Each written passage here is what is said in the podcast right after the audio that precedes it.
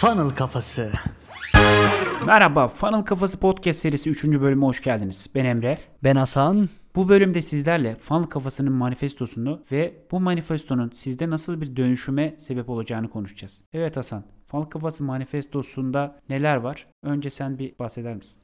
O zaman şöyle bir giriş yapalım hızlıca. Bizler yani girişimciler, işte içerik üreticileri, pazarlamacılar, danışmanlar, freelance çalışanlar aslında hepimiz dünyanın değişim makinesi olabilecek nitelikte işler üretmeye ve ortaya koymaya çalışıyoruz. Yani temelde insanoğlunun gelişimini en çok tetikleyen iki şeye odaklı yaşıyoruz değil mi Emre abi? Bunlar neydi? Problem ve çözüm. Burada önemli olan şu. Dünyanın değişim makinesi deyince her birimiz kesinlikle kendi hayatlarımıza baktığımız zaman bir değişim oluşturmaya çalışıyoruzdur. Bu değişim kendi hayatımızda olabilir, belki çocuğumuzun hayatında olabilir, belki ailemizin hayatında olabilir.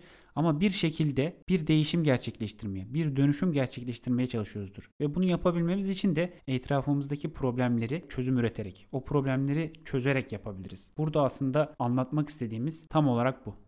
Aynen öyle. Yani o zaman şöyle diyebilir miyiz Emre abi? Asıl amacımız en nihayetinde kendi işlerimizi kurarak kazanabileceğimiz en çok parayı kazanıp yaşayabileceğimiz en iyi hayatı yaşamak. Yani finansal ve ruhsal olarak özgür hissetmek. Evet. Şimdi burası çok önemli bir nokta. Kazanabileceğimiz en çok parayı kazanıp yaşayabileceğimiz en iyi hayatı yaşamak ne demek? Bu insanın etrafında sahip olduğu varlıkları işte bu her şey olabilir. İnternet olabilir, işte bir sermaye olabilir, yetenek olabilir, her şey olabilir. Sahip oldukları, sahip olduğu varlıkları ya da sermayeyi bir kaldıraç olarak kullanıp kendi o anki durumuyla kazanabileceği en çok parayı kazanıp yaşayabileceği en iyi hayatı yaşaması demek. Bu neden önemli? Çünkü bizler şu an sahip olduğumuz yetenekleri, nimetleri diyelim, sahip olduğumuz sermayeleri birer kaldıraç olarak kullanmayı bilmiyoruz. Ya da onları kendi lehimize nasıl bir kaldıraca çevirebiliriz? Bunun tam olarak farkında değiliz. İşte funnel kafasında bunun nasıl kullanabileceğine dair bir mantalite sunacağız. Evet. Bunu şöyle perçinleyebilir miyiz o zaman Emre abi? Mesela bir aksiyon almak istiyoruz, bir şeyler yapmak istiyoruz. Ancak bazen bu korkutucu olabiliyor. Sayısız kurslar alıyoruz, gruplara katılıyoruz, taktikler öğreniyoruz. Birilerinin başarısının sırlarını araştırıyoruz. Kısa yollara bakıyoruz, trendleri takip ediyoruz ama sonucunda bir türlü istediğimiz mesafeyi kat edemiyoruz. Yani burada bence bizi dinleyenlerle beraber biz de dürüst olalım. Çoğumuz eyleme geçmekten korkuyoruz birkaç adım atıyoruz. Başarısız olduğumuzda özellikle. Bireysel hedeflerimiz ne olursa olsun çoğumuz önümüzde uzanan bir sürü engelin karşısında böyle donup kalıyoruz. Keşke doğru olmasaydı ama doğru değil mi Emre abi? Evet kesinlikle. Engeller bizi yolumuzdan alıkoyuyor. Bir türlü böyle o aldığımız şeylerin işte bu kurs olabilir, başka bir şey olabilir, öğrendiğimiz, okuduğumuz bilgiler olabilir. Bunları böyle resmen sanki böyle dağılmış bir sistemin ya da hiç kuramadığımız bir sistemin yamaları olarak kullanmaya çalışıyoruz. Böyle bir yerleri kapatmaya çalışıyoruz ya da bir şeyleri düzeltmek için kullanmaya çalışıyoruz. Ama asılı, var olanı yani var olması gerekeni, bir mantaliteyi, bir sistemi tam olarak kavrayamadığımız ve bilemediğimiz için bu aldığımız kurs olabilir, başka bir şey olabilir. Bizi bir türlü o kabuğumuzdan, kendi konfor alanımızdan bir türlü çıkartamıyor. Buna kesinlikle katılıyorum Emre abi. Bir de başka bir açıdan bakalım. Bizi aslında engelleyecek şeyler de ortada. Sistemler olarak çürüyen kurumlar, tavan yapan işsizlik, yükselen masraflar ve şu an günümüzün bence en büyük problemi teknoloji karmaşası. Bireysel olarak işte ne diyebiliriz? Ben kendimden örnek vereyim.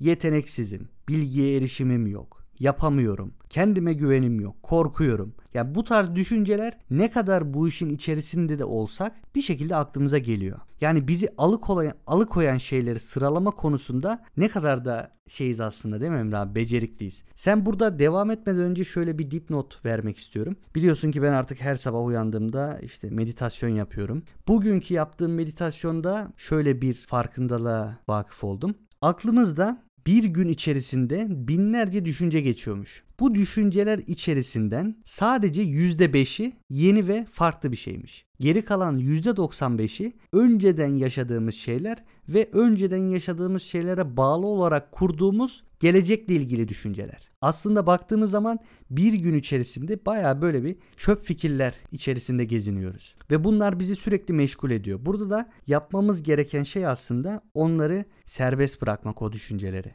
Yani meditasyonda da şöyle diyordu. O düşünceler aklına geldiği zaman sadece şöyle de düşünce ve kaybolup gitsin.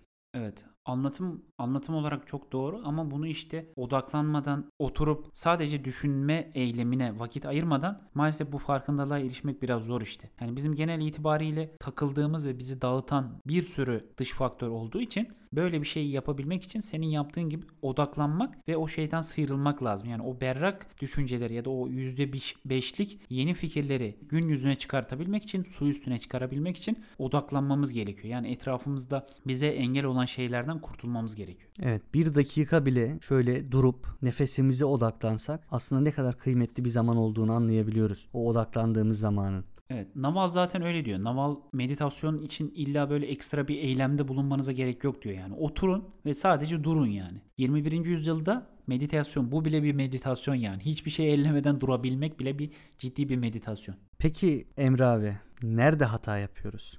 Hata yaptığımız nokta şu. Biz düşünme sistemimize yani hayatı algılayışımıza, engellerin karşısındaki tavrımıza, önümüze çıkan engellere nasıl göreceğimize ya da onları nasıl değerlendireceğimize, düştüğümüz zaman nasıl kalkacağımıza, evet hayat böyle sürekli başarılarla ilerleyebilecek bir yapıya sahip değil. Hiç öyle değil zaten. Birçok kez başarısızlıkla karşılaşabilirsin, sıkıntılarla, problemle karşılaşabilirsin. Ama bu düştükten sonra nasıl kalkacağına katkısı olmayacak şeyler, eğitimler olabilir ya da işte aldığın, okuduğun şeyler olabilir. Bunlar senin eyleme geçmeni engelliyor. Çünkü bu hayatın en önemli prensipleri ya da en önemli yapısı, başarıya götürecek seni anahtar şeyler bunlar. Düşünme sistemi, hayatı algılayışın, bir engel karşısındaki tavrın. Süper. Çok doğru bir nokta bence Emre abi. O zaman şöyle bir girdi yapmak istiyorum bu noktada. İnanç Hoca'nın da hani bir yaşam felsefesi olarak girişimcilik podcast serisinde en çok değindiği şeylerden birisine iç odaklı olmak, dış odaklı olmak. Bence bu noktada biz daha çok dış odaklı oluyoruz. İşte patronlarımızı, ekonomiyi, politikacıları yani başkalarını suçluyoruz. Olmadı kendimizi başarısız ilan ediyoruz. Yani hedeflerimizi de genellikle böyle imkansız görüp